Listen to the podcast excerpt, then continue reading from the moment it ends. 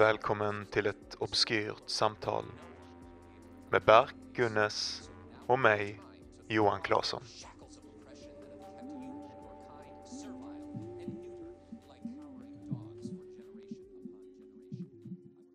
Eh, hej och välkommen till ett obskyrt samtal. Eh, vi har druckit varsin stor jävla monster Som vanligt. Exakt. Smurf. Smurf. Ehm, det här eh, veckans avsnitt handlar om uh, ärlighet Ja. och blir såklart om ångest också. Ja, för att eh, det, det vi är ändå ett obskyrt samtal. De som har varit med oss ett tag fattar vad fan gamet är. Exakt. Eh, vi pratar om, eh, jag pratar om dejtande, du pratar om biktande inför för, eh, ja, att avlasta sig själv lite Ja. grann på, på folk. Ehm, Det finns lite smått och gott om tvångstankar, om eh, skit. Vi börjar lite mitt i. Därför att vi, eh, vi eh, hade en lite seg början och sen kände vi att samtalet kom igång efter sådär 50 minuter. Men det blir nog ett långt samtal i alla fall misstänker jag. Det kändes som att vi, vi stannade, som att vi höll på ganska länge. Men jag håller inte med om att det blev att vi började mitt i. Jag tror det kommer funka hur bra som helst. Men vi Okej. får se. Vi får se. ni, får, ni får se. Eh, tack så jättemycket för att ni lyssnar. Likea oss på sociala medier, obskyrt samtal på Facebook, Instagram, jada jada jada. Följ oss överallt där ni lyssnar på poddar. Rate oss. Fem stjärnor, en stjärna, helst inte en stjärna. vad ni känner inför oss. Eh, ja, tack som fan för att ni lyssnar. Tack.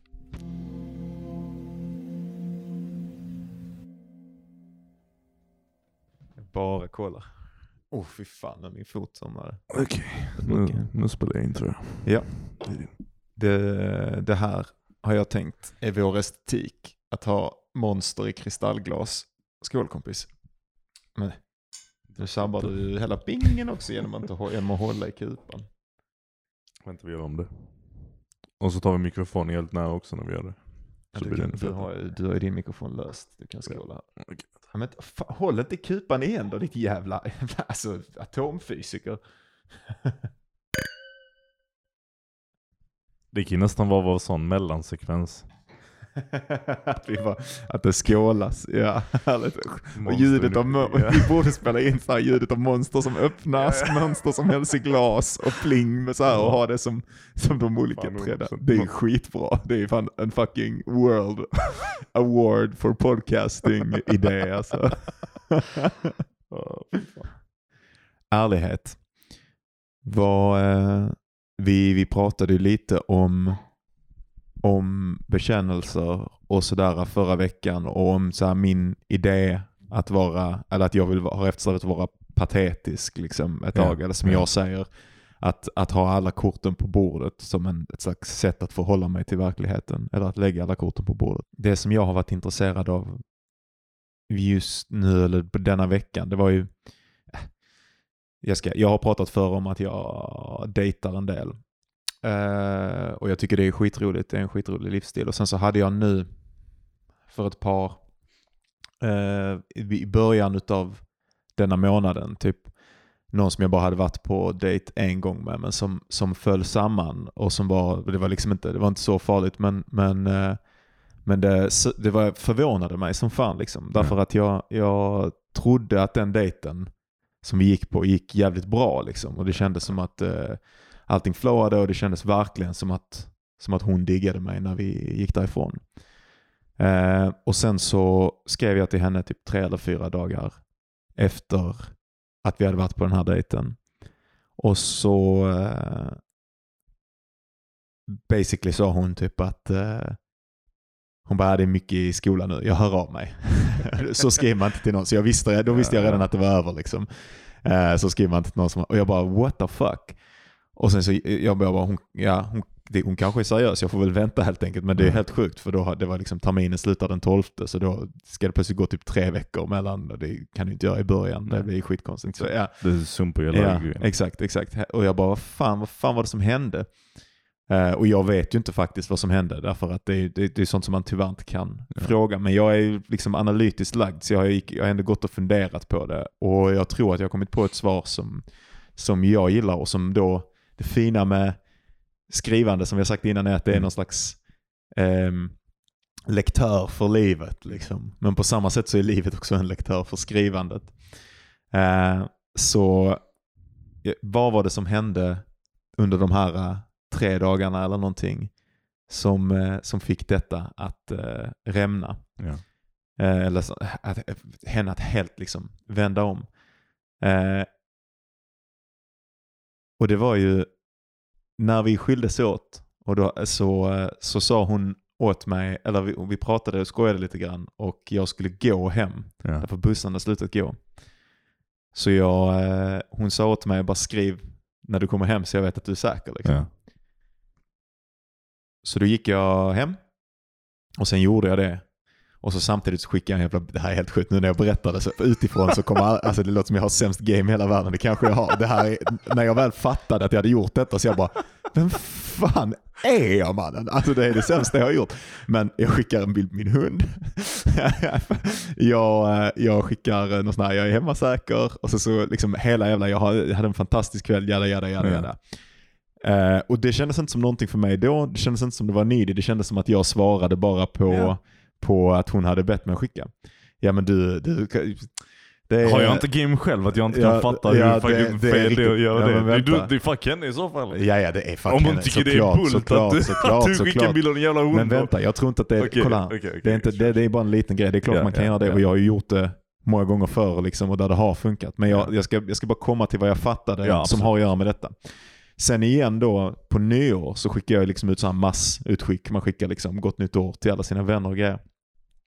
Skickade det till henne också. Kändes jävligt rimligt in the moment. Ja. Hon svarade med typ ett litet inside-skämt som, som refererade till någonting jag hade berättat för henne. Eh, och så skickade jag en, en bild på mig själv också. Mhm. Eh, som refererade till det som, som vi pratade om. Ja, det var basically att jag var utklädd till cowboy. Det var alla, vi hade en sån cowboy Ja, nyårsfest. Liksom. Eh, och sen, eh, två dagar senare, eller tre dagar senare efter nyår eller vad det blev, så skickade jag iväg ett, ett eh, meddelande om hon ville ses igen. Och då så skrev hon det här att eh, nej, vi får se efter studien. Liksom. Ja. Och, jag, då, och, jag- och liksom, jag bara, nej okej, det här är kört. Men jag var så fucking förvånad. Och sen så ins för, och det är också så här att det, det finns ju liksom så här kvasiregler med att dejta men som ändå brukar funka ganska bra. Liksom så här tre dagar, om man hör av sig ungefär tre dagar, tre, Mm. fyra dagar efter så är det en rimlig tid att börja planera en ny dejt. Mm. Men vad jag insåg var att jag, att jag har glömt jag har glömt vikten av mysterium Okej.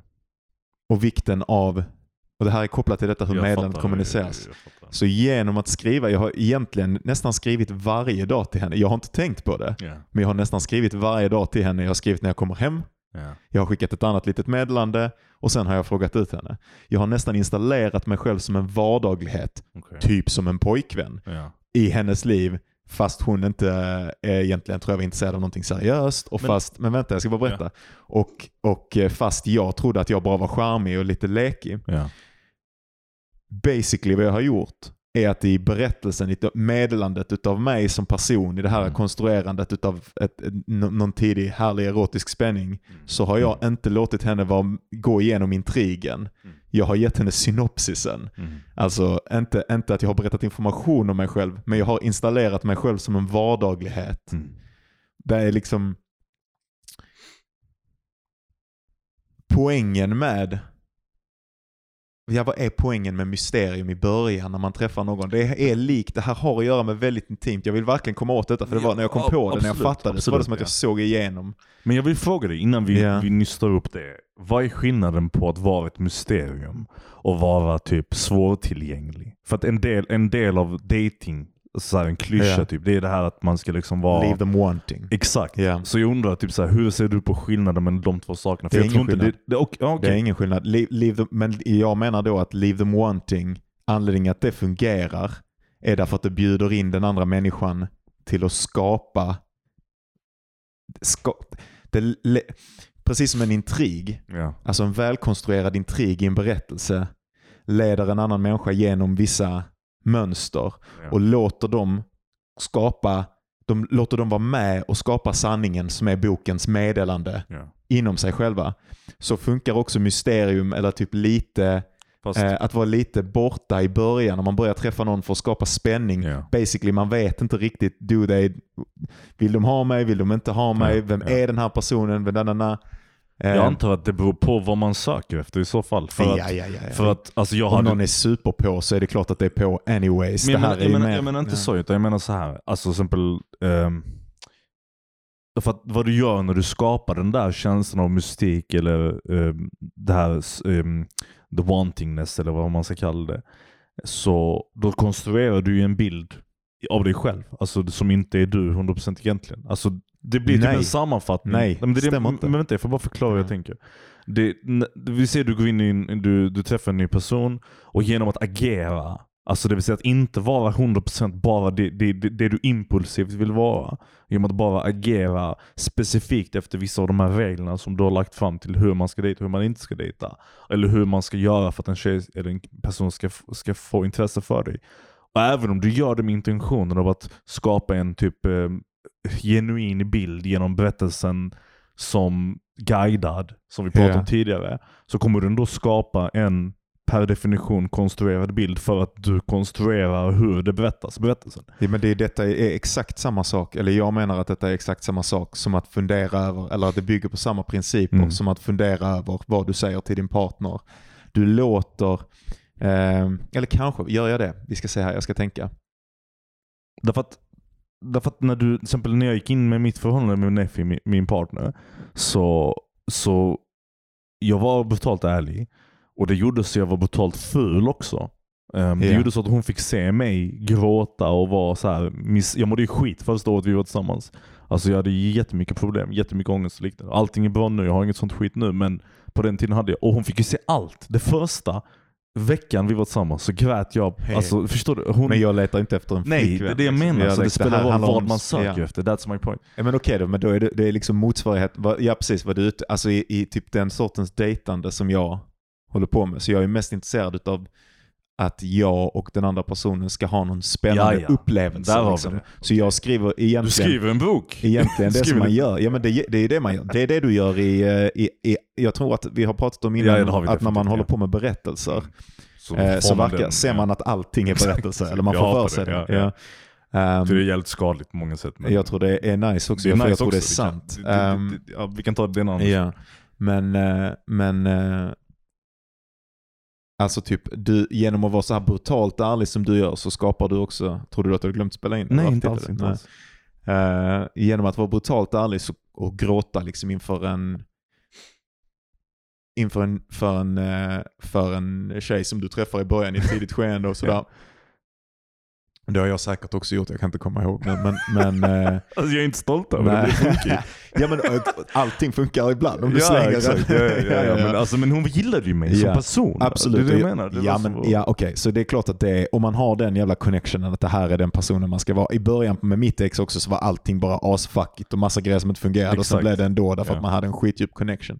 Eh, Men då är ju det berättelsen man skriver, en om brutal ärlighet eller så här och så bygger man. Men skillnaden är att man, man, man konstruerar inte den medvetet. Man kanske konstruerar den omedvetet, absolut. Det kanske blir en konstruktion av, av Den din här personlighet. extrema men det- ärligheten det är ju också en... eh, Ja det, en- det, det, det, det har du rätt i. Ja. Den, den delen av det, det här att vara, att bikta sig för någon. Det är ju en konstruktion som är medvetet gjord. Men så Men- du menar, alltså vad jag menar är att till exempel genom att låta det gå lite tid i början eller att överhuvudtaget bara typ vara lite ehm, försiktig eller omtänksam med vilken, eh, med vilken information man delger så tillåter man den andra personen att vara med i skapande processen. Man ljuger inte, för det är detta anledningen att jag Nej. började med den här extrema ärligheten. Liksom. Det var för att jag verkligen ville ta motstånd från lögnen. Så jag har gått till liksom en- point där jag, kanske, jag är på gränsen till att säga saker som jag inte borde säga. Alltså jag måste nästan stoppa mig själv. Ja, ja, Därför min, min inklination är att bara blö, ja. säga vad som helst. Liksom. Ehm, men, men, men det som jag hade en insikt med om detta, eller det som jag känner dödade det. Liksom.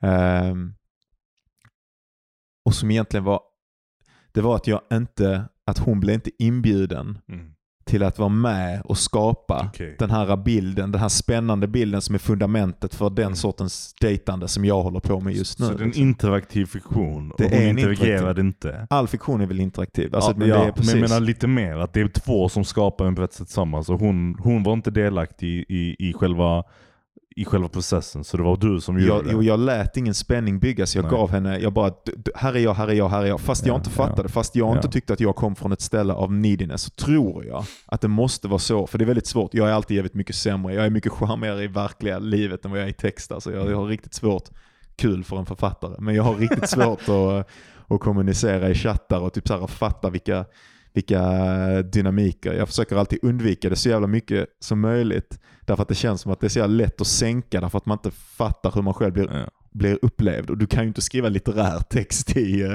i chattmeddelanden för då verkar du ju helt sjuk i huvudet. Liksom. Men det som jag tror är liksom att, att genom att vara för närvarande så blev jag en människa. Alltså en person på ett sätt som man inte riktigt vill vara i början. I det här, jag förstår Ja, precis vad du man. I dödar- den här kontexten. Precis, man ja. dödar ja. lite grann det som är det spännande, vilket är det stadiet där man får lov att vara upplevelser för varandra. och många som jag dejtar eh, så, är, så befinner man sig längre.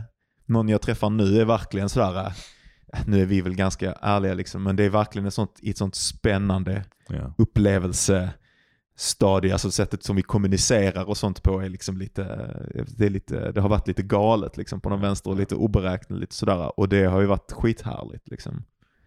Ehm, och jag tänker att, att och det är det jag vill. Jag vill ju för fan inte, om jag träffar någon så vill jag ju också att de ska vara en lite spännande bild. Det ska Mm, vara någonting mm. intressant, någonting mystiskt. Det är klart att om man sen tar sig igenom allting det, till slut måste man lära sig känna varandra som människor. Ja. Men i den mystiska bilden finns det inte någonting förljuget. Nej. Utan det finns något faktiskt ärligt. Det finns Så länge ju båda är medvetna om det. Och det är där, det, jag tycker det är då det blir som roligast, när man har den typen av, av upplevelse det av varandra som du beskriver. liksom. Men Och personerna vet om det. Då bygger ju spänningen på ett sätt som annars inte är möjligt. Liksom. det gör man väl när man dejtar, eller jag vet inte fan. Alltså jag tänker i början så är man väl medveten om att det är lite spel i alla fall. Ja, alltså så här, ja. återigen inte lögn men, men eh, man använder sina man, man försöker positionera sig på ett sätt som är intressant och som låter den andra människan liksom skapa lite begär. Mm. Alltså, ja, det är väl det som är liksom i hur man klär upp sig och allting också. Du förstår inte handsignaler va? Nej, vad fan gör Jag menar vi, vi tar en liten paus här. Jag, har, jag, vill, jag vill diskutera en sak utanför mikrofonen med dig. Okej. Offline liksom. Okej. ja. Eh, Din attityd den här fucking podden Ja, ja, ja. pratar med dig om. Eh, Nej, Pausa bara- då. ja, men, men vi måste ha något jävla minspel. Håll den tanken, vi fortsätter om två sekunder.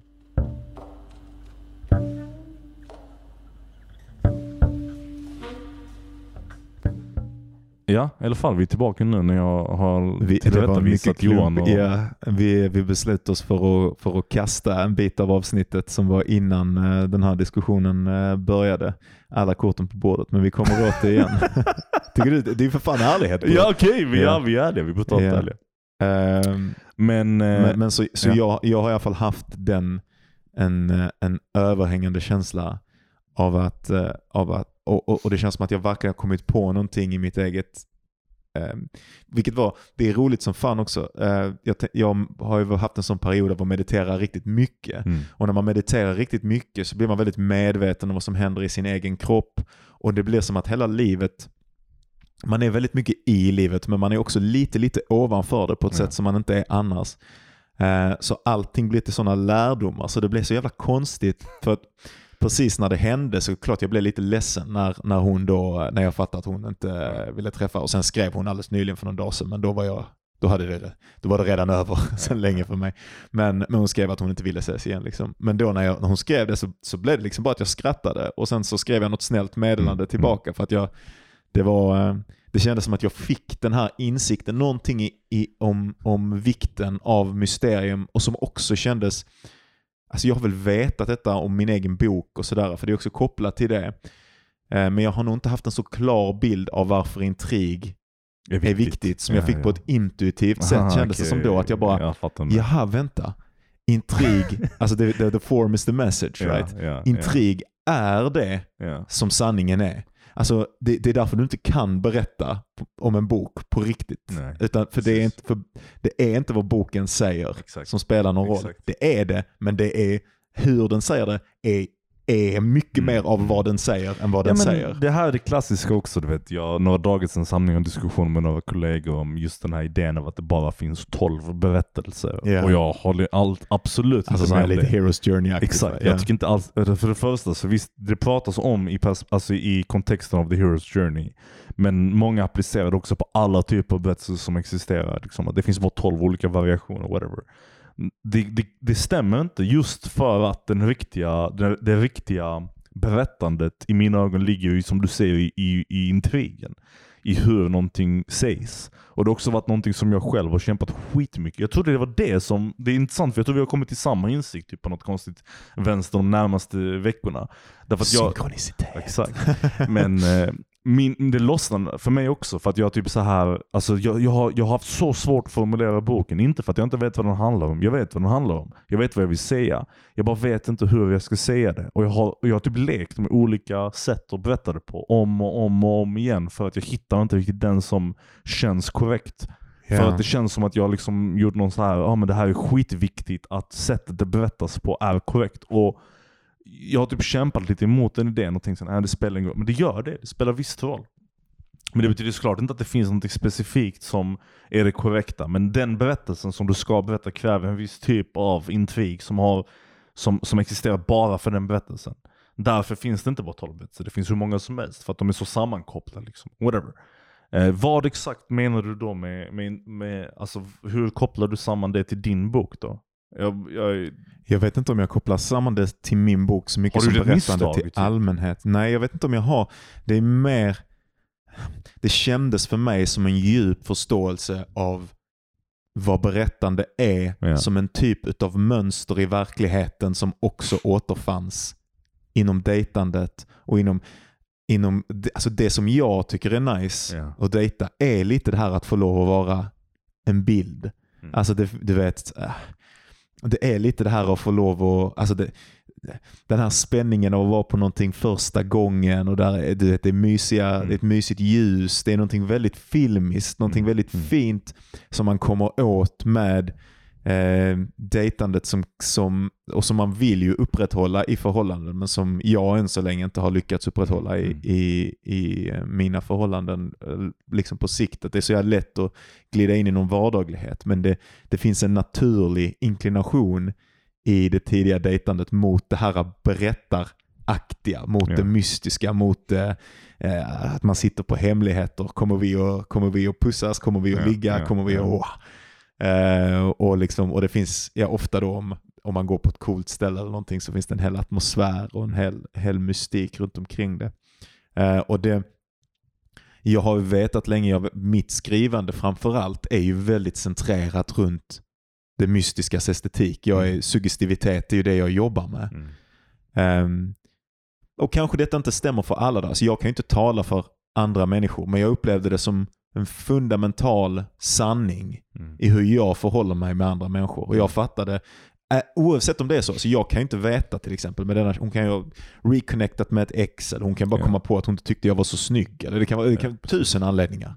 Men i min Ja. berättelse, och nu menar jag min berättelse som Johan Klasen, inte den boken jag skriver, Ja. så hade det fundamentalt att göra med att jag tappade sikte på vikten av att låta den andra människan vara med som medskapande. Mm. Och Det här är viktigt när man skriver en bok också. De böckerna som jag tycker är bäst, Mm. det är de böckerna som har precis håligheterna i texten Ja, ja. rätt.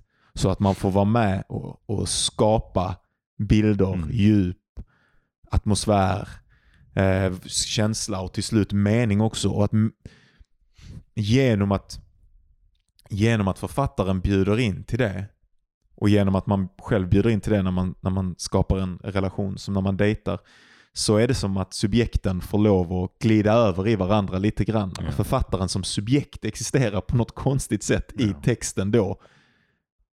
Alltså för det är inte, det är inte, kommunikationen blir inte ensidig. Mm. Man själv tillför någonting. Ja, det gör de väl inte för de får ju aldrig veta det som man tillför. Men, men man existerar på något intressant Mm. sätt med texten där man själv stoppar in i och texten stoppar in i en och det blir en, en sammansmältning utav två annars skilda enheter. Mm. Och vad, när du träffar någon, är det du vill göra? Om inte det Mm. i det tidiga skeendet. Du vill skapa den här magiska, mystiska upplevelsen tillsammans. Och jag är besatt av den här idén att jag tror ju väldigt mycket på, i alla fall nu, nu alltså jag har ju varit ehm, monogam tidigare och nu så har jag väl dejtat ganska mycket och dejtat liksom olika och sådär. Ehm, och jag är, är lite besatt av hur man skapar, att jag, jag vill skapa meningsfulla upplevelser även med dem som man inte fortsätter att träffa. Ja. Och jag, det är så jävla många, alltså det är så många människor som jag känner som, som eh, och jag har också haft den liksom, dragningen men jag försöker motarbeta den som inte kan uppvärdera sina ex eller som inte kan se det fina i människor de träffar där och där. Alltså om det inte Ja. resulterar i någonting på ett väldigt konstigt sätt. Ja. Alltså så här att om, om, det inte har, om det inte bara har en fortsatt riktning genom hela livet så är det som att tiden är bortslängd. Ja. Jag tycker också det är Och jag konstigt. hatar den grejen. Jag vill, Ja. jag, vill, jag vill se de människorna, även om de inte, vi inte har kontakt längre. Jag vill se de människorna som människor som jag delade någonting innerligt med. Ja. Även om det bara är en kväll, även om det är liksom korta perioder. Så jag försöker att Men- skapa men- den sortens upplevelser och, och så inser jag Ja. då att jag fuckade det här Ja. genom att inte ha den här Jag aktiva mystiken. Jag- atmosfären. jag Ja. Och det, det, den var verkligen där på, på um, dejten, tror jag. Alltså så här, jag kunde se det i, Ja. man, man, man känner det. Men sen var den förlorad. Och jag är så jävla rädd när jag tittar på, på eller min bok så är det ju alltid jag jobbar så mycket och sen när jag läser, eller när folk får läsa det och sånt Ja. och ibland så plockar de upp på det suggestiva och börjar skapa sin egen mening och då är det Ja. jättespännande. Men ibland så, så när, det när jag inte har lyckats så får de liksom inte ut någonting. Jag undrar om det är för Ja. att alltså, på många sätt så är ju en berättelse en, en konversation med en annan Ja. människa. Och det är, samma regler gäller ju där. Ja, Alltså som du säger. Men jag, jag känner igen det du säger också om, om att um, värdera det här eh, tillfälliga mötet jättemycket. Och det är någonting jag har sett hos andra människor som skriver också. Att det är en väldigt så här, gemensam sak för alla som har liksom fattat grejen med skrivandet. Att de är väldigt, eh, jag vill inte säga bra människokännare, för det tycker jag inte de alltid är. Men de uppskattar människor. Både dåliga och bra liksom. Det finns alltid ett element av att den här människans, jag kan förstå den här människans eh, inre liksom. Och vad sa de du nu? De som... de som skriver är, Ja. har oftast den förståelsen Ja. till andra människor. Och kan uppskatta det här mötet som du pratar om. Ja, man måste ju jobba väldigt inte. hårt på att försöka förstå andra människor för att kunna skriva om dem. Ja, liksom. det är det jag menar. Exakt. Absolut. För att den fokuset i så många år har varit att försöka formulera och hitta på en annan person. Ja. Så det är jättesvårt att träffa en annan människa utan att applicera de kunskaperna på din uppfattning av den människan. Ja. Jag kan inte träffa en människa, jag har träffat, jag har träffat så många människor som jag ogillar starkt. Men alltid kan försvara. Du vet. För att jag förstår dem. Jag kanske inte gillar det de gör, men jag förstår dem. Och när jag dejtade också, när jag var singel, så var det Mm. samma sak som du beskriver. Jag, jag var inne på Tinder, så när jag träffade min nuvarande flickvän där, så sa jag till henne, jag bara, men jag är här för att träffa människor. Och hon bara, men du ljuger bara, du är bara här för Mm. att liksom, ligga med tjejer. Och jag bara, fast Kanske lite men också inte. Alltså det, det är ett element av det är, är verkligen genuint att faktiskt bara träffa folk och typ Ja. åka bil med dem i typ två timmar och snacka om skit och bara uppleva någonting som känns konstruerat som du beskriver det ha- samtidigt. Man kan fan ha fantastiska, jag har fan Ja. haft fantastiska dejter där jag, har varit, där jag verkligen inte har velat ligga. Ja, och där det ja, inte blir något. Alltså så här, där, det, där det är inte, dynamiken finns inte där. Men man, man, eh, man får lov och, alltså det, som är intressant, jag har pratat ner om detta tidigare, men jag har börjat uppvärdera det nu på sistone, är med att jag sa att man fick träffa människor som är lite, som är så annorlunda från en själv Mm. och typ som inte har någon sån här stor brinnande gåta i mitten på livet. Ja. Liksom. Och att jag har tyckt att det var, eller att de människorna är svåra att förstå, men det har också varit fint Ja. att få träffa sådana människor. Det är, eh, det är roligt nog så hundparken fyller också en sån funktion i mitt liv, att det tar mig ur den sortens kretsar som Men jag annars rör mig i. Det, det, jag, tycker inte, jag, jag vet inte om jag håller med om att det ens överhuvudtaget finns människor som inte har den där hemligheten Är det den mystiken Nej, okej. inuti? Men de, men det de verkar finns- inte veta nej, det själva i eller, alla fall. Eller, nej, Eller de ger inte uttryck för det. Nej, inte ens det. Jag tror det bara är att din beskrivning... Okej. Så förolämpande. Men jag menar, fan, det är, nej ska vi bara hålla med varandra i den här fucking podden? Nej, nej, fan nej, vad kul. det det. Ja, men, men låt mig formulera hur jag Ja. tänker först. Jag menar så här att um, sättet du definierar den här inre hemligheten på och vad du ser som det som är, alltså inte du som John utan man ser som det som är eh, fundamentet av en människa. Och sen att det inte alltid överensstämmer med vad andra människor ser det som. Det låter som en självklarhet, som en banal sak att säga, men jag tror att det finns någonting i det där. Eh, om man verkligen hade kunnat sätta sig in i den personens liksom, inre tankar så Ja. hade man lätt kunnat se det glödande intresset för någonting. Det är bara att det är inte på samma sätt som vi ser det. Nej, nej men okej då. Ja, så det, är, det stämmer nog. Det stämmer nog. Jag har ju bara, jag har väldigt, det ja. Det är bara inte samma som du. Förstår du? Det, det är bara inte vad Nej, du men tycker och är så är viktigt. det ju absolut. Och det, är- det, är det, och det är väl kanske det som, som är poängen med det, eller som man vill få syn på, eller som är det nice. Det är väl kanske det som jag... och, eh, du har rätt, jag sa nog fel, eh, men jag, jag tänker att det ändå var så att jag höll med dig här, därför att det var det som jag ville komma åt Mm, okej. mot att träffa alltså människor. Dels att gå och träffa, gå på dejter med folk som man aldrig skulle, Ja. från, från liksom sociala grupper och sånt. Och att träffa eh, människor ute i, i hundrastgården Ja. som jag gör, där det är liksom folk från alla möjliga bakgrunder och whatever. Att man, man kommer över de här ekokammarna Ja, som man annars är. Ehm, och, får, och får lov att se det, det faktiskt mänskliga eller någonting Mm, mm. även utanför den snäva definition som man har byggt för sig Mm. själv. Eller som Det jag har byggt för mig själv. Skitspännande, jag håller med dig. Um, jag, när jag var 15 så, så gjorde jag så. Jag, jag, brukade, jag brukade skriva till människor i skolan som jag inte alls någonsin hade pratat med eller kände Mm. på något sätt. Eller som jag kanske inte ens gillade. Eh, och typ bara, hej, vill du träffas? Mm. Och så bara typ, träffades ju på stadsbiblioteket exempelvis. Och snackade och hade skitkul. Jag, jag, har träffat, jag, träffade, alltså jag har träffat så många människor som bara kändes som personer som var helt um, ointresserade av allt jag tyckte var intressant. Men i, den, i det ögonblicket av det, och till och med intressant nog i det här konstiga, att man typ, hej vill du träffas till en person som man aldrig har visat intresse för tidigare? Och de bara, va? Okej. Och det, det är ju konstigt. Och i den konstigheten så byggs det någon slags skitintressant dynamik mellan dig och den personen. Ja. Som, får dig, som gör det lättare att nå det här, eh, det här hjärtat av den personen. För att om du exempel går fram till, alltså om du på något sätt hamnar på en fest med människor som du inte är intresserad av ja. och det finns ingen anledning för er att prata eller komma dit eller nå någonting. Då kommer du aldrig se det som är deras liksom, fundament. Men om du gör det på det sättet där det skapas en slags, um, jag vet inte, vad det nu man ska kalla det, då plötsligt så, så finns det initiativ för det. Det finns anledning för det och så bubblar det upp liksom. Och jag har aldrig träffat en människa som inte har det, tror jag. Nej, det kanske stämmer. Det är en jävligt fin... Um det tänker jag talar för dig som en empat alltså som ett, och, en, och en stark människosyn. Jag tror också på detta och känner det ibland på en djup nivå men jag kan väldigt lätt glömma det. Ja. Alltså jag kan väldigt lätt känna att jag bara inte kan komma åt andra människor på det sättet jag vill och att jag då glömmer att eh, de har det här, eh, den här, det som man faktiskt är ute efter, vilket är den här fullständiga speglingen Mm. i den andra subjekt. Det måste ju, det måste ju finnas um, i slutändan någonting från deras sida som gör så att de vill berätta det eller visa det. Eh, Ja precis, och det är det Annars- som det är att vara en ja. god kommunikatör. Det är ju på något sätt, och det är väl det som man eftersträvar om man provar olika grejer, liksom så här, Ja, att försöka ja. komma åt att man vill, man vill bädda för att andra människor jag tror att det är bland annat det jag har velat. Jag har dels har velat med den här extrema ärligheten då. Ja. Så har jag extremt, nu är kanske inte det med att vi pratade om den extrema ärligheten. Jag vi vet kan inte ta upp, ja, Ja. Vi tar upp det igen. Okej, ja men okej. jag, kan, jag har haft en period ehm, på ungefär ett år där jag har eh, eftersträvat extrem ärlighet. Jag vet inte om det kommer med i den här klippningen.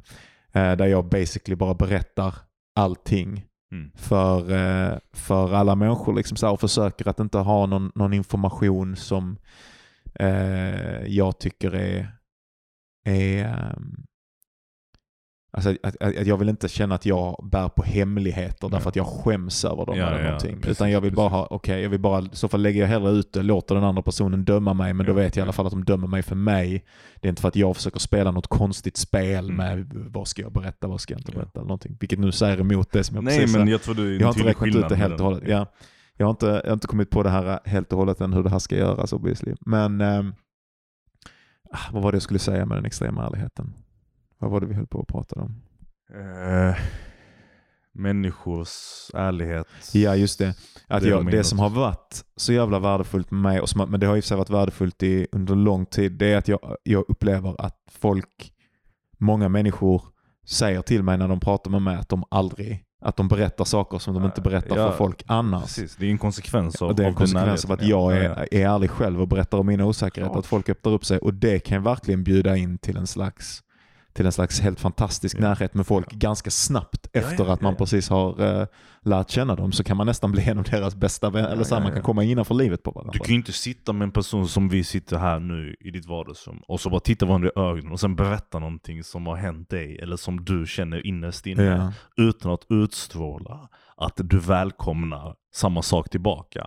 Det tycker jag känns omöjligt. Alltså jag, tror, jag tror att om man verkligen vill så kan man nå vem som helst. Visst det finns vissa människor som, har, alltså som är blockade av, av skäl som jag inte ens har förstått. Och jag tror inte du har förstått heller.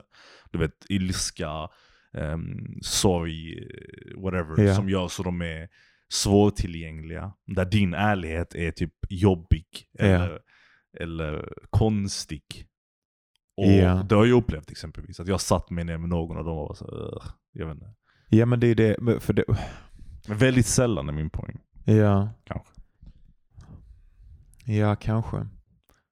Du ser så fundersam ut. Vad är det du tänker på? Det är som att du, du håller med och sen samtidigt så, så, så velar men jag du. försöker det är därför att det känns som att jag säger emot mig själv med Jag två olika kedjor av grejer och jag försöker att, det kanske inte, du, du inte tycker, men jag, Mm, jag mm. känner att jag gör det och så, att Okej, jag inte riktigt har, har kommit överens med den här dubbelidén av att man på något sätt måste kontrollera sin man måste kontrollera sin ärlighet för att Ja. den andra personen ska få vara med och delta i alltså skapandet och medskapandet utav den här meningen som man egentligen är. Men du, men alltså du, som du, en stor själ. du Liksom. formulerade så bra innan när du sa att vissa sanningar eller vissa eh, delar av dig kan inte nås om du inte konstruerar Ja, berättelsen. exakt. Det är den ärligheten du försöker nå. Du försöker inte nå den ytliga ärligheten Nej. där det handlar om att jag är Johan, jag är 1,90 Och så har det, whatever. nog, alltså det har nog varit, alltså för mig, det har nog varit väldigt mycket så här, kanske att det också är startskottet på denna podcasten, liksom, Ja. att jag har känt att men vad jag måste göra det är att jag måste berätta att jag hade det och det sexuella problemet i den Ja, relationen. Eller att, jag, att jag, jag, har det här och den här traumat eller skammen över min vikt efter så här. Eller, Exakt. eller, att, ehm, eller att jag var ufo på det här sättet när jag var barn. Eller, alltså så här att det finns en Ja, massa grejer som ja, jag ja, försöker få kontroll över genom att egentligen frånsäga mig kontrollen. Att genom att bara släppa ut dem så nu bara, okej nu har alla tillgång till alla, hela mitt mörker. Nu får de göra vad de vill med det. Liksom.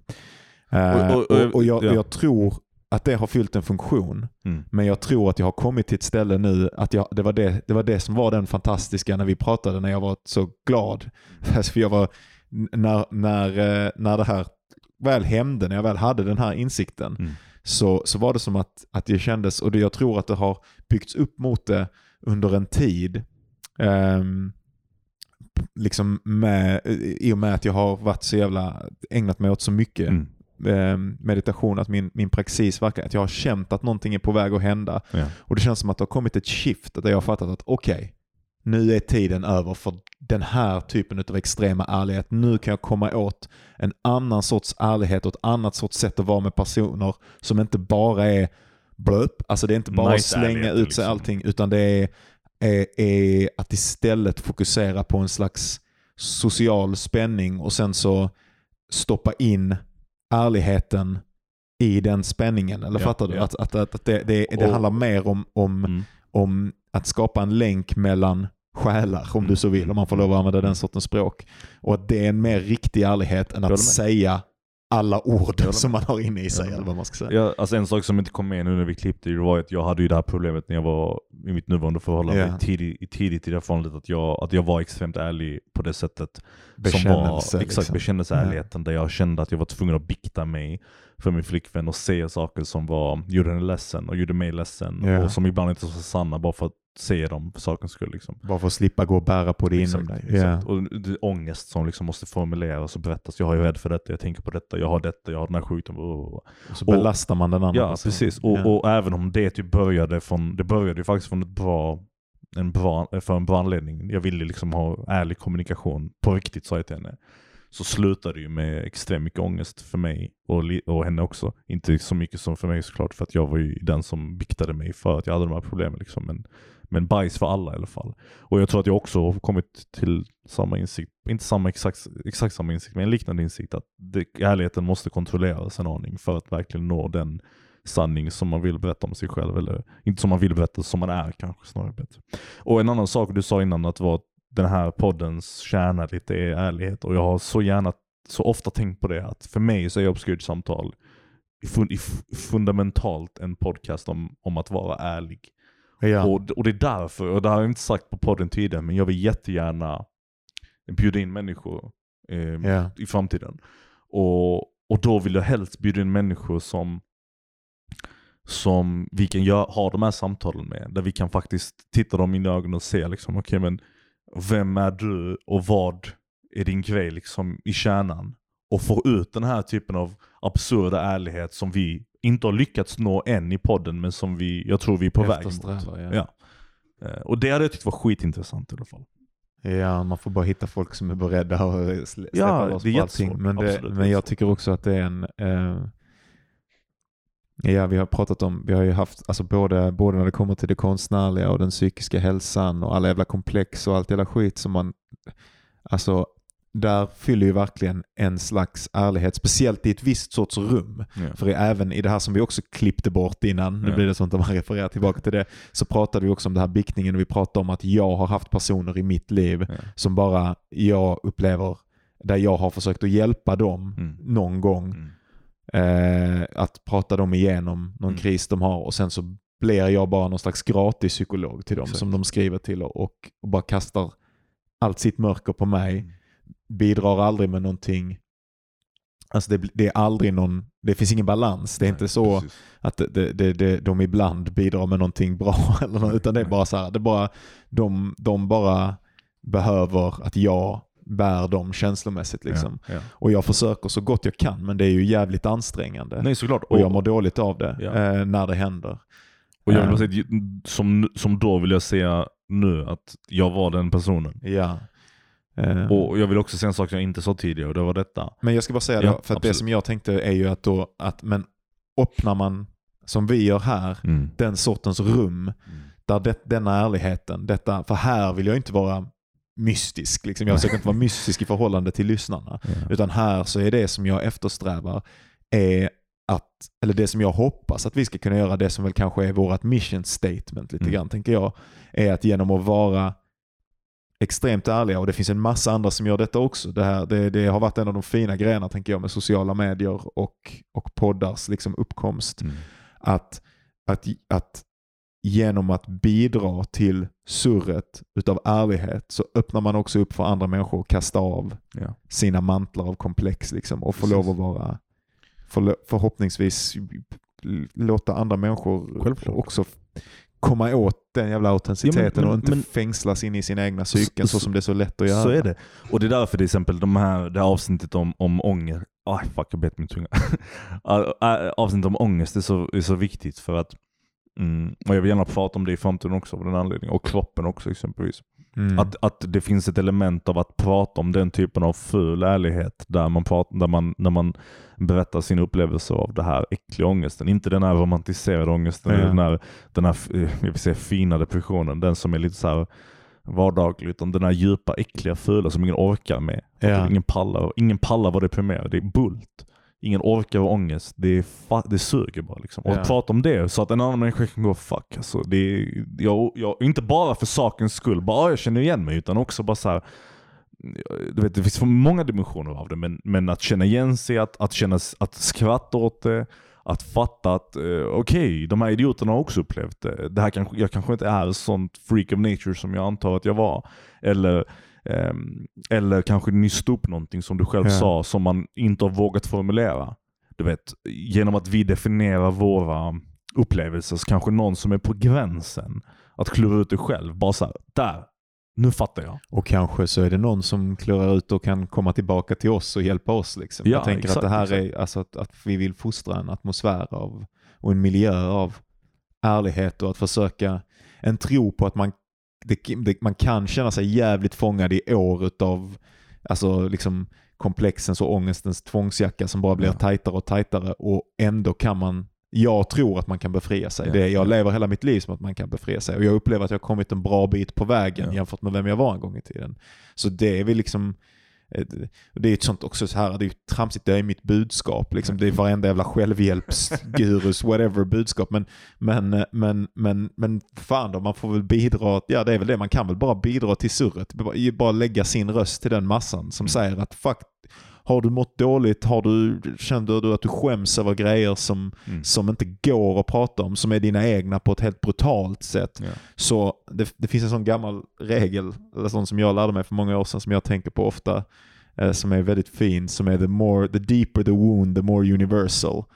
Ehm, alltså att ehm, om det verkar, eller kanske till och med the more personal the wound, eller något sånt. Ja. Alltså ju mer det verkar som att det är verkligen din innersta smuts, Ja. Desto mer så är det en sånt bara som finns som ett mönster över hela mänskligheten. Ja, men det, det typ. stämmer helt. Jag, jag, för när, när, när jag äntligen sökte hjälp efter all den här skiten jag var med om i början av, av eh, det första året av mitt förhållande. Ja. Och inte som konsekvens av förhållandet, utan jag, jag, jag var på väg i det här hålet långt innan jag träffade min flickvän. Det liksom nådde sin kulm samtidigt som jag träffade henne. Vilket var synd. Men jag sökte hjälp i alla fall för att jag upplevde att ehm, jag kunde inte riktigt ehm, jag kunde inte riktigt utsätta henne för det. Och den här psykologen jag träffade, det var en KBT-terapeut egentligen. Vilket är, en, det är inte en psykolog. Men hon var ändå trevlig och duktig och så. Och, hon, och när jag berättade för henne första gången om alla mina sjuka tankar jag hade haft för mig, all bajs.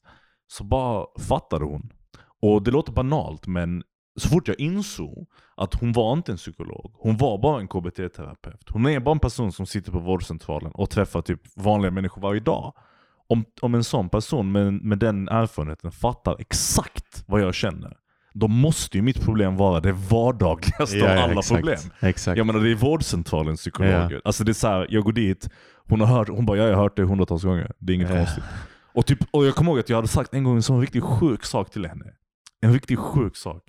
Och jag ångrade mig som fan efteråt. Jag bara Ja. fan varför sa jag det till henne? Det här kunde jag inte berätta för en pe- person som jag inte känner dumhuvud i huvudet är jag. Jag gick in på min journal på 1177 och så läste jag vad hon hade skrivit.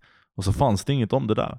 Så när jag träffade henne dagen efter så sa jag till henne, jag, bara, alltså, jag sa någonting förra gången som, hon bara ja det. Ja jag skrev inte det på din journal, du behöver inte oroa dig sa hon. hon visste exakt Ja. vad för typ av person jag var och allting sånt. Och det är precis som du säger, det här, det, här, det här såret är så djupt men också så Särskilt eftersom ditt har att göra med tvångstankar tänker jag. Ja, Att ja, I exakt. tvångstankar så finns det liksom, det, det, det, är liksom som ett, ett mönster av tvångstankar som man kan ha. Ja ja. Och de, eh, Precis. de bara förekommer hos alla Ja. av samma anledning. Ja, liksom. Exakt.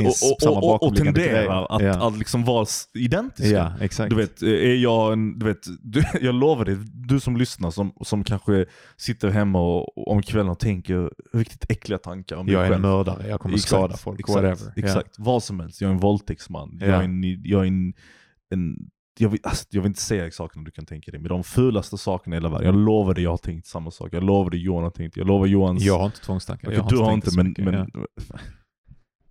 Men vadå, ska jag, ska jag axla även fucking trauman och grejer som jag inte har? Du kan inte sitta och bli Jag arg mig. skojade bara, lugna dig.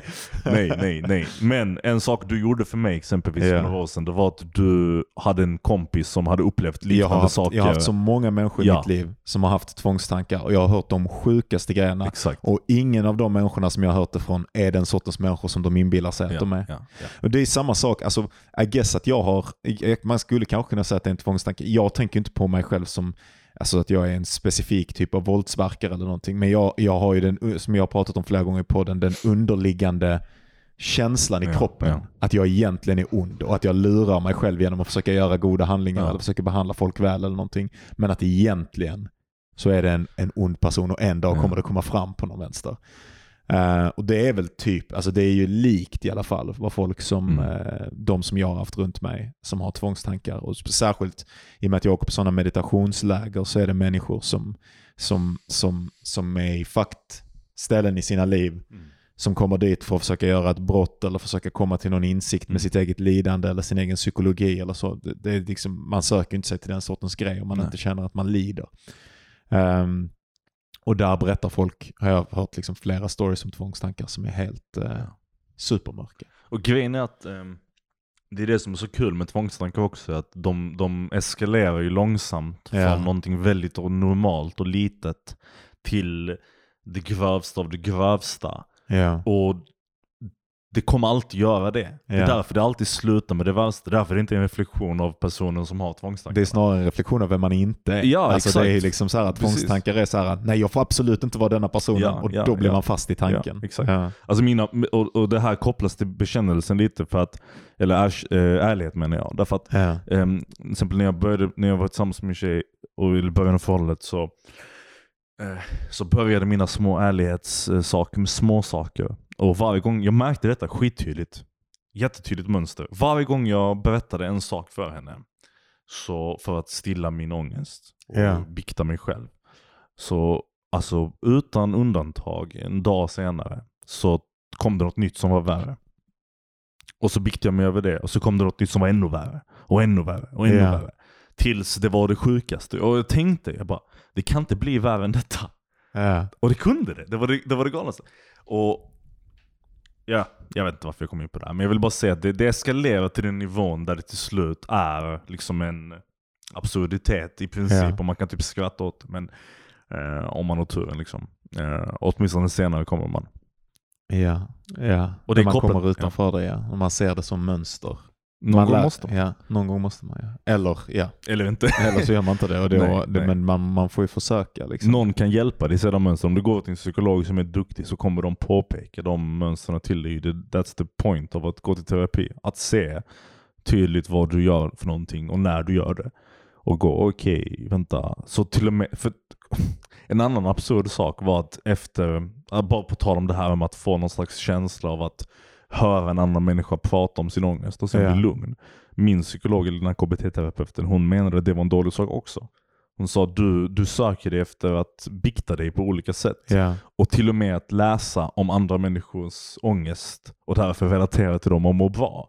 Det är Ja. för dig en dålig sak. För att du kommer bara bli lugn av det.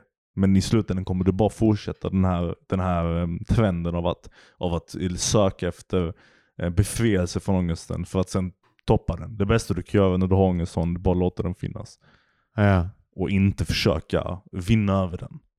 Vilket jag vet Det är fortfarande hur man gör. svinintressant för jag skulle säga att det här, för det här är ju verkligen, eh, det, det, det är det är ju det här som är roligt, det är en, det är en meditativ grej verkligen. Liksom, Ja. Att bara låta det skölja över en. Och jag, alltså i, så som jag berättar berättelsen om världen så skulle jag ju säga att det hon har sagt till dig Mm. är att inte göra dina tvångstankar till en del av din identitet. Mm. Hon har inte sagt det så, men det, det effectively, så, så meditatörperspektivet är ju att man hela tiden förhåller Aha. sig genom, genom motstånd eller desire. Liksom. Ä- Man, man går antingen emot eller ifrån saker hela tiden.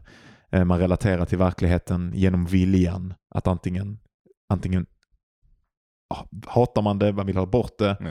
eller så vill man ha det. Och sen så samtidigt så konstruerar man en person typ av sina generella tendenser att göra olika val. Så genom att hålla på och identifiera dig själv med ehm, den här med, med dina tvångstankar och med andra människor som har samma tvångstankar Mm. så befriar du dig inte, du, låter, du får inte syn på mönsterna utan Ja. du bara befäster mer och mer att det här är mitt motstånd och det här är min, min du blir beroende av Mm. både känslan av befrielse Mm. och samtidigt så blir du på något sätt beroende av, av, av, av, av, av avståndstagandet också i samma handling. Liksom. Det, det, det är absolut så. Och, och jag vill inte säga att, jag att det var inte riktigt så för mig att jag inte var medveten om mönstret. För att en sak jag alltid har gjort sedan jag var liten och allt det här började var att jag var alltid väldigt medveten om eh, vad som föregick min ångest och varför den Ja. existerade. Men det hjälpte inte någonting.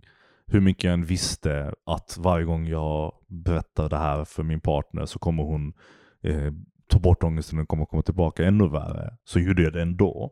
Vilket visade för mig att det finns ett en, en, en del av mig som, är, som jag inte har kontroll över. Som, Ja. som, som söker sig efter den här, den här eh, ångesten på något, på något konstigt sätt. Ma- Många Man är beroende av det. Ja, exakt. Det, var, exakt. det är så jävla intressant. Jag hade en konversation med min mamma häromdagen om detta för att jag har varit så jävla mycket i tankar på Ja, i och med att jag känner att jag är i ett, sånt skifte. Det här kanske, jag tänker att folk som inte håller på med andlighet och sånt alls tycker att man låter helt psykiskt sjuk om man känner att man är i så här skiften. Men jag känner att jag är i ett sånt skifte att någonting håller på att förändras Mm. på en fundamental nivå i min personlighet nu Mm. sedan eh, någon vecka tillbaka. Ehm, och eh, så pratade jag med henne om lite sådana idéer som jag hade och sen så, så sa jag det att, jag kommer inte ihåg hur vi kom in på det, men, men, men ehm, jag, jag bara, ja men till exempel, du oroar ju dig alltid för syrran och mig. Mm.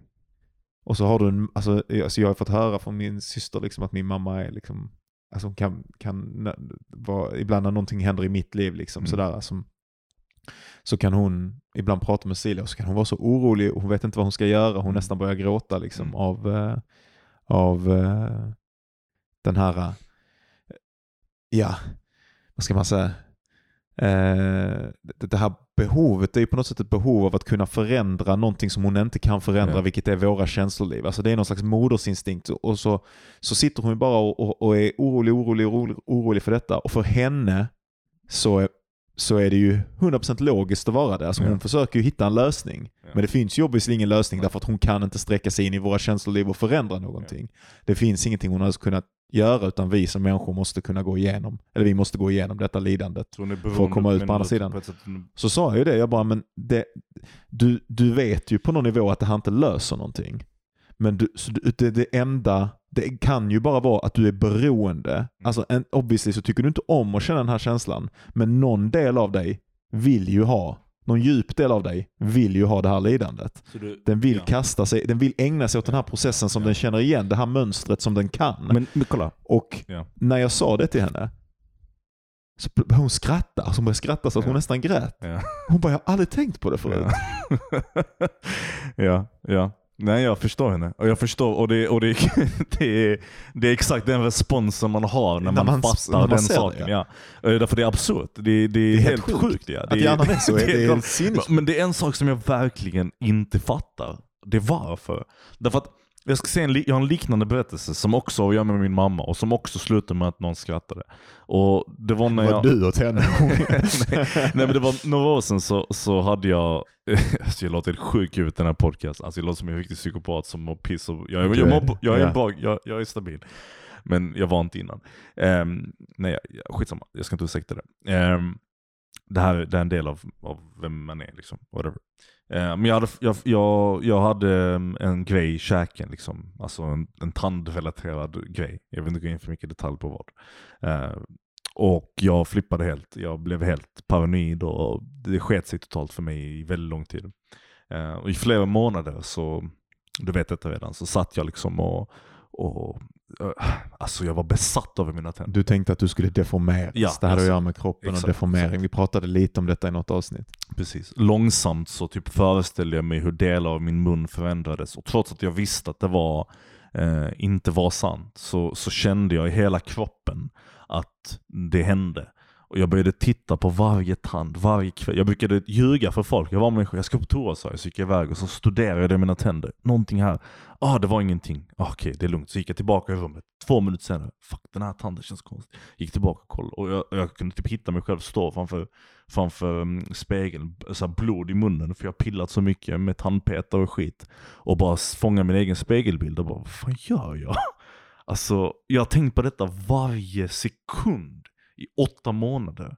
Och här står jag och bara stirrar mig själv i munnen och jag blöder för att jag är så besatt. Ja, det var helt sinnessjukt. Och till slut så fick jag en tid hos ehm, um, käkkirurgi och de bara, ja men vi ska operera dig. Så det kom med sin egen typ av ångest och allting sånt. Och sen så, så en kväll så var jag hemma och så funderade jag på själva operationstillfället. Och så insåg jag att operationstillfället i mitt huvud var ett svart hål. Ja. Det var otänkbart. Det var Ja. bara ett svart mörkt utrymme i min hjärna. Som var Det okända liksom. totalt, Ja. alltså visuellt okänt, emotionellt okänt. Jag hade, det var inte tillgängligt till mig. Och det var som att allting i livet slut, äh, riktade sig mot det och slutade på operationsbordet. Så du var säker att du skulle dö liksom? Dö, försvinna, försvinna. någonting, Ja. jag vet inte. Så den kvällen så hade jag en annan insikt. Och det var detta. Jag tänkte så här. Vad hade hänt om jag hade gått till kirurgen och jag inte hade haft ångest? Hur hade det sett ut tänkte jag. Ja. Jag går dit. Hej, jag ska operera mig. Ah, kom sitt. Okej, det går snabbt. Gör din grej. Operera mig. Vad hade hänt? Och jag blev livrädd. Alltså jag blev genuint livrädd av, Av tanken, tanken att inte ha ångest. att inte ha ångest. Så någonting i ångesten är det här känslan av att man faktiskt har Ja, kontroll, att man motarbetar. Ja. Men, och så, och så, och så, men, men när det hände så kunde jag inte formulera det. Jag bara Ja. kände det här och det är så konstigt för nu kan jag formulera det. Men det tog mig alltså, på riktigt typ fyra månader att bara sätta ord på det. För det var så absurt. Och så kom jag ut någon, någon vecka efter och så gick jag till min mamma så sa jag till mamma, jag bara Alltså jag tror jag har fattat någonting riktigt skumt. Och jag bara berättade för just det jag sa till dig. Och sen från ingenstans så började båda skratta. För vi bara det här, du vet för att all den här ångesten Du, och du, skiten. du är galen Ja, liksom. Och det, vad kan man göra? Alltså när man får syn på det, ja. man bara... "Pff, Man.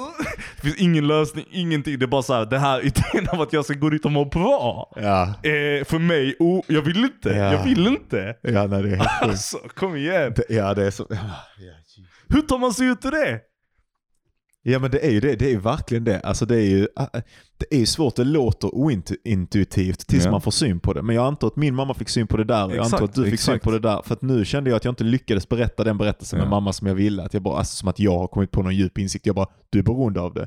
Men, och att det inte, det mm. går inte riktigt att berätta som en tredje person. nej, klart Men inte. i upplevelsen när man får Ja, syn på, alltså att, att man, man verkligen, alltså en del av en vill verkligen så jävla Ja, gärna att man ska må piss liksom. Men, Och den gör allt för Men att man varför- inte ska ta sig ur men det. varför är det så? Aj, varför är det så? Ja. Jag fattar, alltså jag, jag, jag tänkte på det när du sa det om din mamma, jag bara, är det för att jag tänkte, en, en, jag hade en väldigt em, enkel förklaring till det. Jag tänkte så här.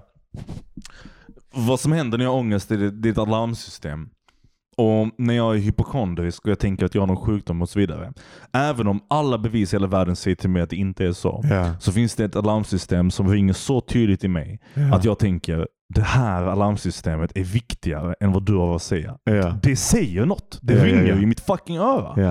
Och, och på något sätt så får jag en tillfredsställelse kanske av att, av att reagera på det alarmsystemet. Förstår du? Att det finns något inbyggt i mig som är Ja. såhär, när alarmet ringer så reagerar man. Förstår du? Och det är kanske det, tänkte jag. Som, Och så gör man allt man kan för att ta sig ur. Alltså så här, det måste ju vara en alltså så här, om det här alarmsystemet en gång refererade till, ja men som folk brukar hålla på med, en tiger liksom. ja, så här. ja, Eh, ett, någon slags existentiellt hot. ja. Eh, då är det klart att det larmsystemet inte ska sluta förrän det har Exakt, löst sig. Exakt, så den vill att din kropp ska liksom Men reagera om det har på hänt det. liksom mutationer eller vad fan det nu än är genom historien. Eh, och det här alarmsystemet numera liksom bara kan Mm. antingen inte sortera i verkligheten som är så komplex som den är nu. Eller bara att det har blivit fel på någon Mm, vänster. mm. Ja men då är det klart att du inte, du, du, det, det, finns, det finns ett intresse för dig att fortsätta försöka ta dig bort Mm. från detta hotet och fortsätta känna rädslan. Men hotet finns inte. Eller är ingenting du kan lösa. Men du kan inte Så veta du, det. Du, nej, du kan inte veta det. Eh, men du är liksom, ja.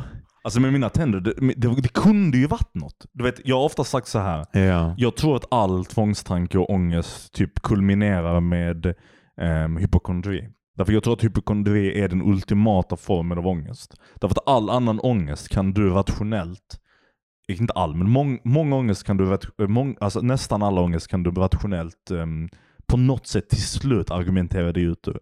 Om du eh, är rädd att du ska bli förföljd eller jagad så kan du kolla allt. Varje mail, varje telefon. Du kan, du kan studera vad du vill för att klura ut till slut att det inte är så. ja. Men med hypokondri så finns det alltid någonting på din kropp som inte Mm. borde vara där eller känns lite konstigt. Du kan aldrig vara rätt. ja. Och det- ångesten älskar det. Den är skitglad över det. Den är helt så fuck perfekt.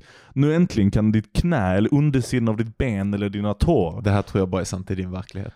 Kanske. Jag tänker att, att eh, de, de flesta människor som har liksom så livslång ångest har en ångest över någonting olösbart i slutändan. Jag har ju sagt någon gång att jag Mm. tänker att det är, döden och att allting som jag sen får ångest över, att eh, den och den relationen inte Mm. hände eller att den vännen inte pratar med mig längre eller någonting, är bara för att jag inte har oändlig tid och därför eh, liksom så finns det någon slags panik över att inte få ha. Kanske så här då. Det, det är inte, det är inte um, hypokondri per se som är den ultimata formen av ångest. Men det är den typen av ångest som den söker sig efter det olösbara. Ja. Den kommer till slut hitta någonting som är oargument, du inte kan Ja. argumentera emot. Det kan vara det förflutna, det kan vara döden, det Ja. kan vara kroppen, det kan vara vad som helst som är omöjligt att nå. ja, och sen så bara är den kvar i det för Ja, alltid. Exakt, för den bara, ja men här är jag bekväm, här kan jag sitta och, Ja. och, och, och liksom... För jag har, jag har tänkt på det också som du säger, alltså jag tänker inte på mig som, för det, det kommer och går, men, men, men du sa i något avsnitt att eh, det, ångesten är alltid där.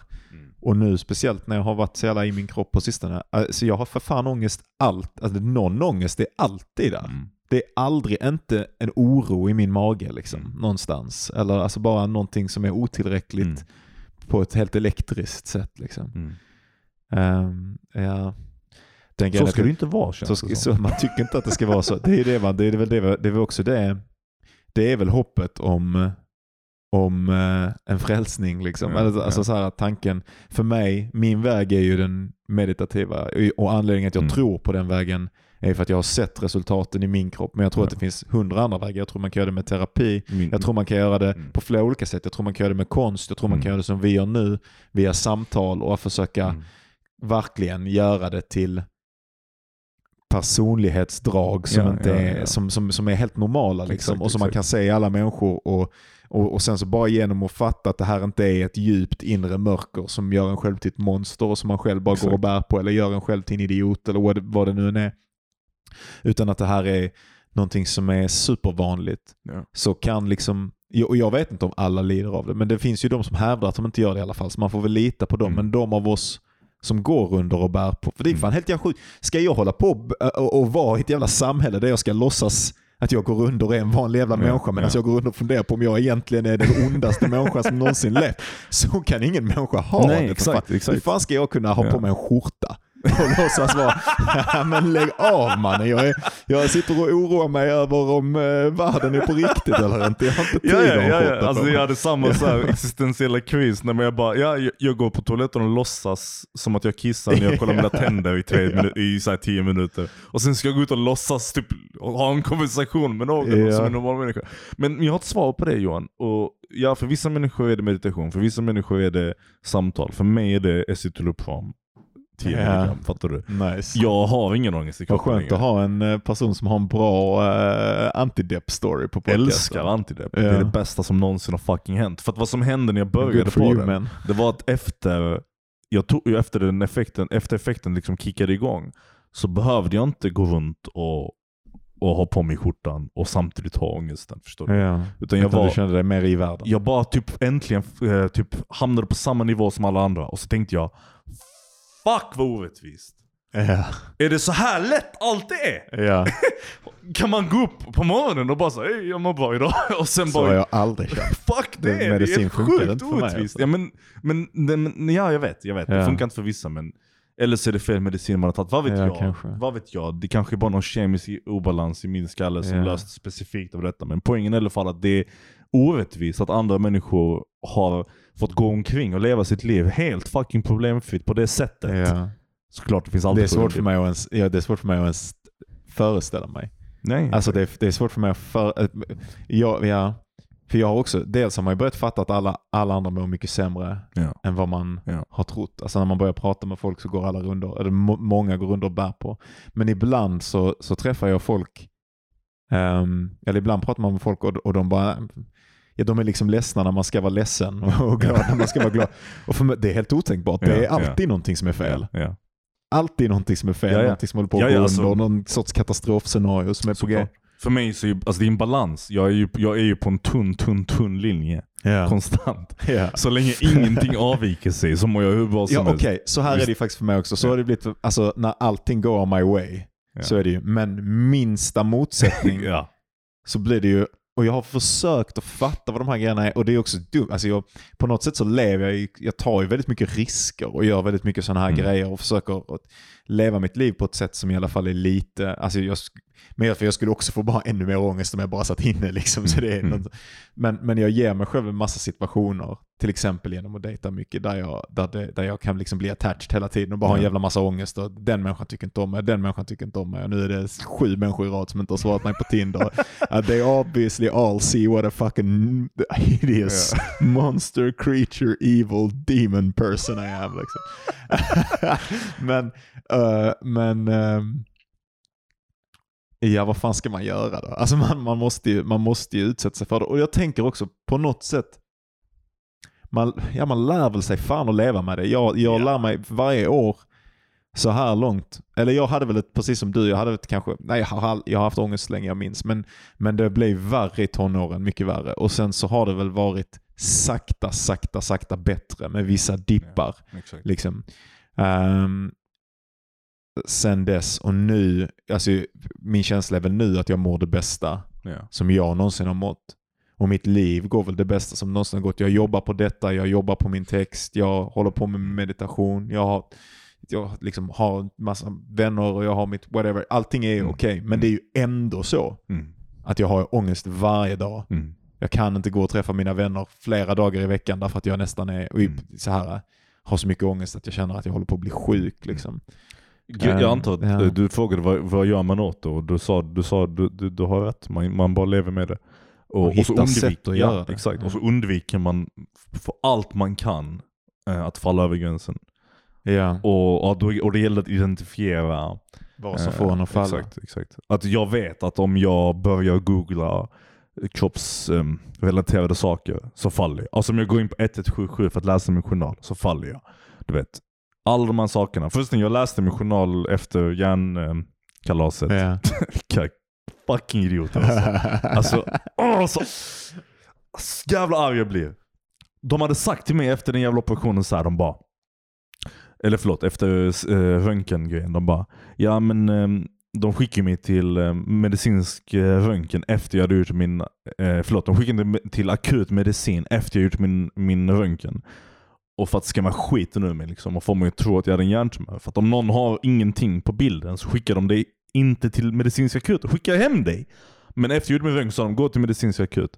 Och så sen jag kom dit så, och de satt, frågade efter min mammas nummer och skulle lägga Ja. in mig.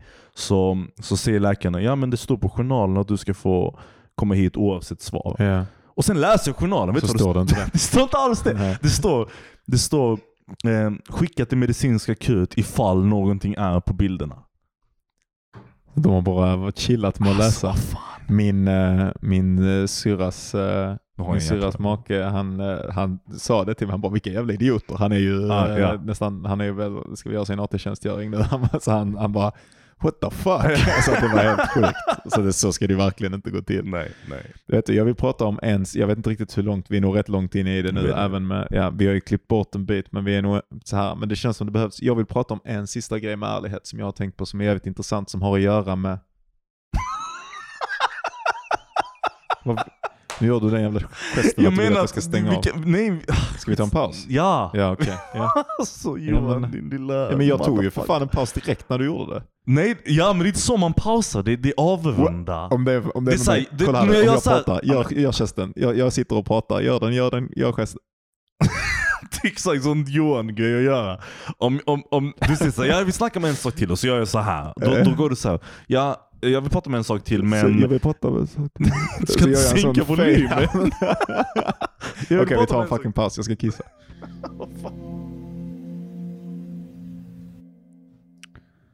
Alright. Så tillbaka nu efter den här finsamma pausen. Det var en väldigt opinsam paus. Jag vet fan Johan.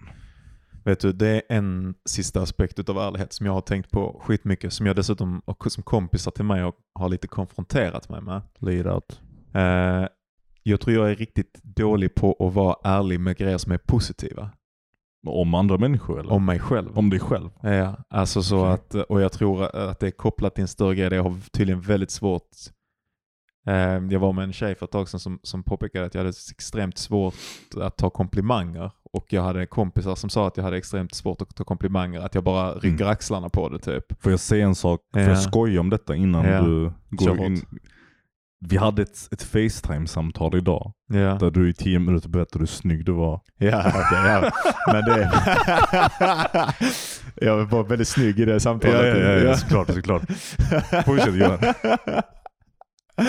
ja, okej. Men när det är uppenbar eh, så här narcissism så obviously. Men, men, men, men på ett mer när det, när det, när det vankas liksom Ja, ja. känslomässig sårbarhet. Så till exempel, nu har jag gjort det i alla fall, men till exempel så, så eh, jag tror att det finns en jättestor rädsla i mig att om jag säger positiva saker om mig själv eller saker som jag tror att andra skulle uppfatta som eventuellt positiva Ja. så, så riskerar jag alltid att eh, jag, jag riskerar att föda någon sorts narcissistiskt odjur i mig själv. Som jag, alltså så att det enklaste sättet för mig Mm. att känna att jag har kontroll över mig själv, att jag inte ballar iväg i någon narcissistisk konstig riktning eh, är genom att inte ta åt mig av några komplimanger och Ja. inte säga positiva saker. Så till exempel tänkte jag på det inför när jag skulle prata i detta avsnittet. Mm. Och jag vet att jag har sagt lite om det innan, men jag tänkte ändå på det. Jag bara, hur jobbigt, alltså hur lätt det är för mig. Och det har nog också någonting att göra med en rädsla för vad andra ska tycka. Men det, det har att göra med en rädsla för att, att andra ska tänka att jag säger vissa grejer för att upphöja mig själv. Alltså att jag är rädd för att upplevas som manipulativ. Så jag är inte så rädd för att vara ärlig Mm.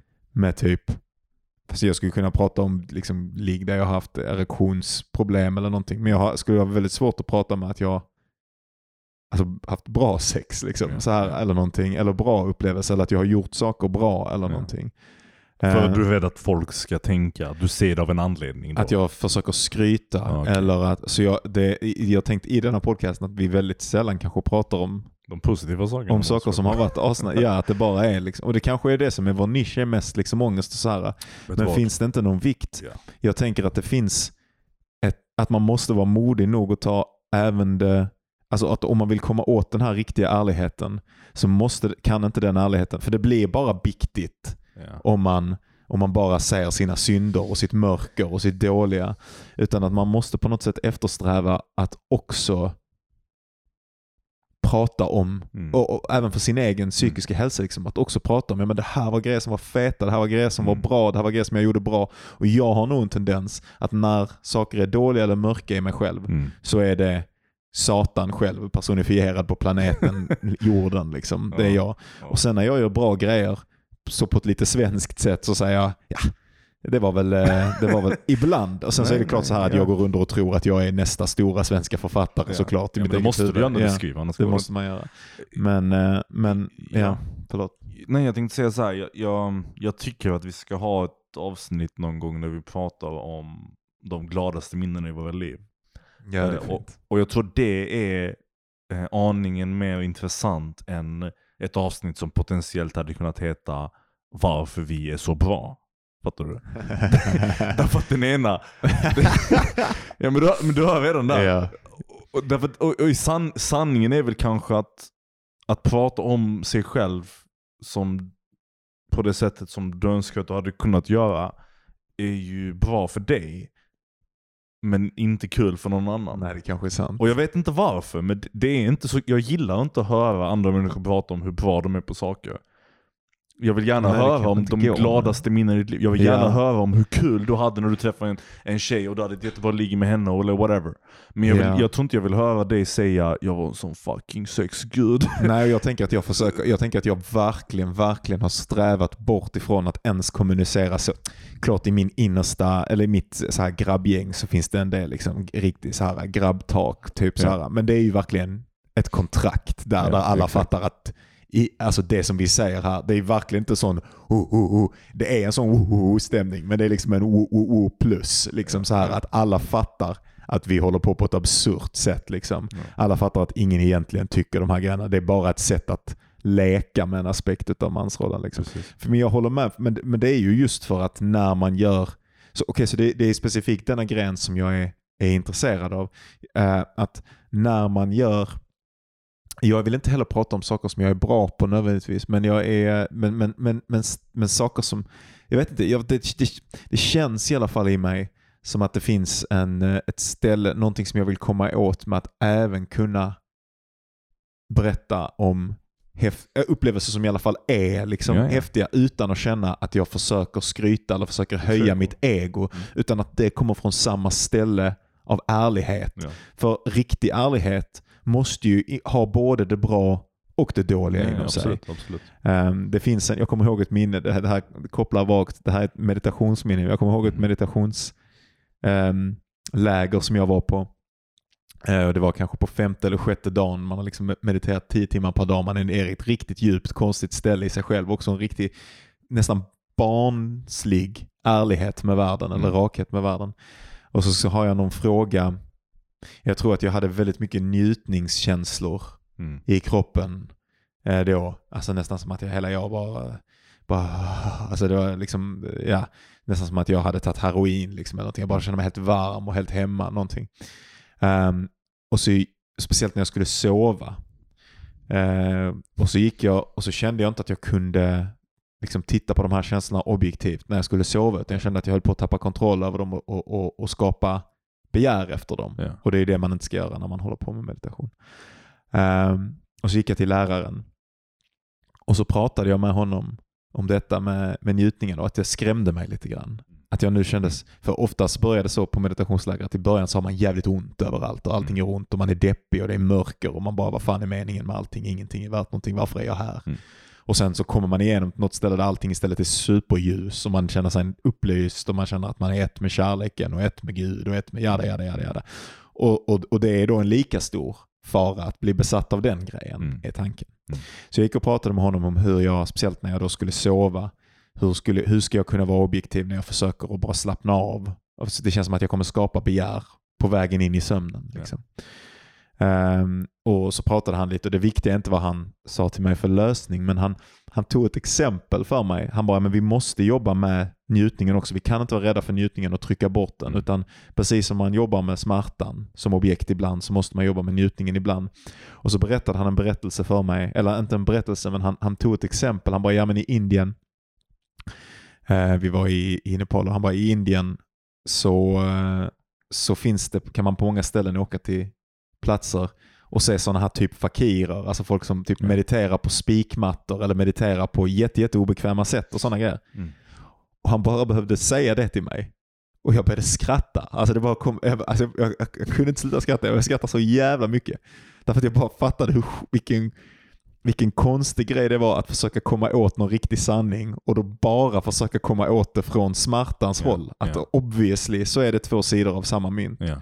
Och det här kopplar ju an då till, vad vi försöker göra, inte meditativt, men det kopplar ju an till ärlighet. Att, Ja, ja. man, att det för mig, tror jag, är det en större utmaning Ja. och kunna berätta om positiva upplevelser och sådana grejer. Eh, alltså inte Mm. positiva som, det är klart jag kan berätta som när jag berättade om det med min pappa Mm. och att han sa att han var stolt över mig. Det är en grej. För övrigt, jag har hört, eh, min syster tyckte det var en jätte, jättefin berättelse. Ja, Jag- men- Jag sa inte det till dig, hon sa att hon tyckte det var jätte, jättefint att höra. Men, ja, fint. Jättenice. Um, men, men, men, ehm, men när det är saker som jag har gjort, om jag Ja, har gjort ja. någon, någon, någon fin grej för en annan människa så tror jag att jag har en tendens att bara försöka brusha över det. Jag hörde det. Jag tror Ehm, det stämmer. Och jag, ja. tror att, jag tror att det är absolut, jag, jag håller med dig om att i slutändan så kanske det ändå är ett mål. Men att det är väldigt mycket svårare såklart att göra. Speciellt i en samtalspodd eller, i, eller kanske inte i poddformat men i, i samtalsformat överhuvudtaget. Att, att kommunicera sina positiva sidor som man ser på sig själv.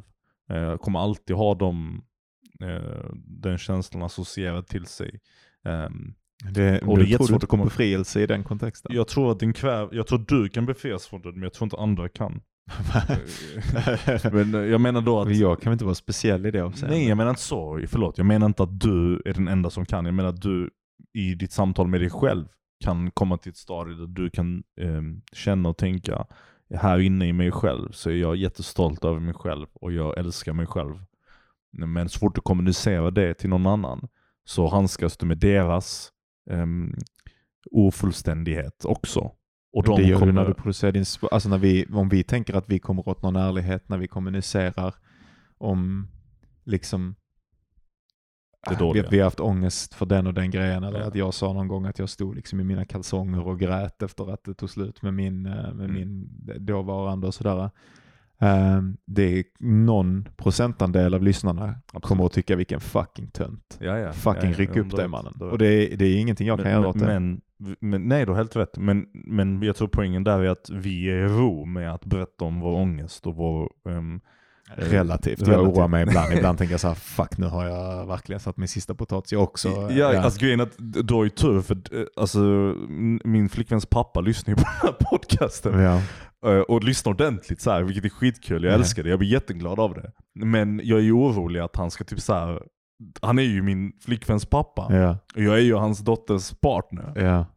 Så det finns ju någon, någon konflikt Det där. finns liksom. absolut någon konflikt. Men, men i slutändan så får man bara hoppas att, att den här typen av ärlighet sträcker sig bortom någon, någon sån grej. Liksom.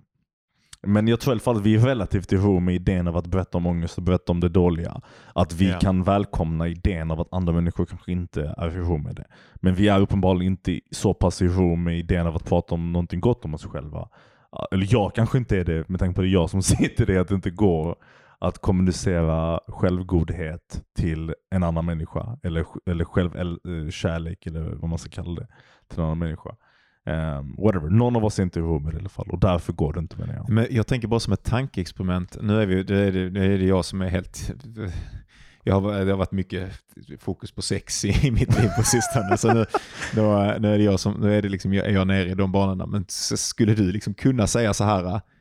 uh, fuck, det, jag, jag hade den här sexuella upplevelsen med min flickvän. Nu, det här, nu är det din pappa, men så här, eller din flickväns farsa. Men så här, och, eh, och, och, och och hon tyckte att det var så här fantastiskt. Skulle Nej. du kunna säga det, och det är framförallt, du skulle inte kunna säga det, men tänk dig, ponera tanken, kan du tänka dig att man kan säga det utan att det är skryt? Kan du, kan du Ja, tänka dig en ärlighet ja. att man kan kommunicera det bara som lika neutralt? människor och, ja. Du tror bara med vi- Ja, jag tror det, jag Jag tror tr- det handlar om ett samtal, fattar du? men, mellan två. Ja, men mellan oss. Ja, ja, mellan oss Ja. två. Men vi Ja, är inte bara vi två också. här nu. Nej men det är ju samma sak som med vår ångest. Min telefon ringer, jag måste ta det. En sekund, vi är tillbaka. Jag menar att, kolla, alltså, jag vill inte heller bli missuppfattad nu. Jag menar inte att, ja det är okej, jag, jag tar tillbaka allt jag sagt. Det går att uppnå ett tillstånd där, är, jag håller med dig om att ärlighet är båda mynt, myntsidorna, sidorna av mynten, whatever. Det är både att vara ärlig med det positiva och med det negativa. Men jag tror att det är lättare att vara ärlig med det negativa, speciellt för oss som är i ro med tanken, än att vara ärlig med det positiva. För att det finns också mycket mer substans och eh, friktion med andra människor. För i slutändan så är det det vi pratar om, det är ett samtal mellan två personer eller potentiellt ännu mer. Där friktionen blir exponentiellt större för varje människa som lyssnar. Och framförallt för att det är positiv friktion. Och det är den här idén av att det självgoda finns där. Jag tycker att du bara jättesvårt. bevisar hur jävla inte ens in ton med den här idén. För mig så, så säger du bara hur jävla att du är mycket djupare i det här hålet än vad jag är. Alltså för ja. mig det det, det låter som det. Jag tror, men jag sa ju det innan, Ja. jag sa ju det innan Ja. att jag är nog där. Ja, ja. Men, Men, men, det är intressant. Jag säger inte att vi ska göra det, men det är en intressant, det är en intressant grej att tänka på. Men, kan, alltså, är jag det? Eller är jag bara... Jag tror, jag bara tror att det är så. Jag tror att det är skillnad att vara... ehm, att tycka det här inne och säga det. Okej. Och, och, och, men du tycker att man ska kunna se det? Jag, jag, jag, jag tror att jag hade... ehm, Jag vet inte, det finns ju vissa människor som tycker att det är så fucking osexigt med folk som... Eh, ja, fan, vi måste nästan runda av detta snart, men, eh, men eh, jag, jag lyssnade på någon podcast där Slavoj Zizek var med. Ja.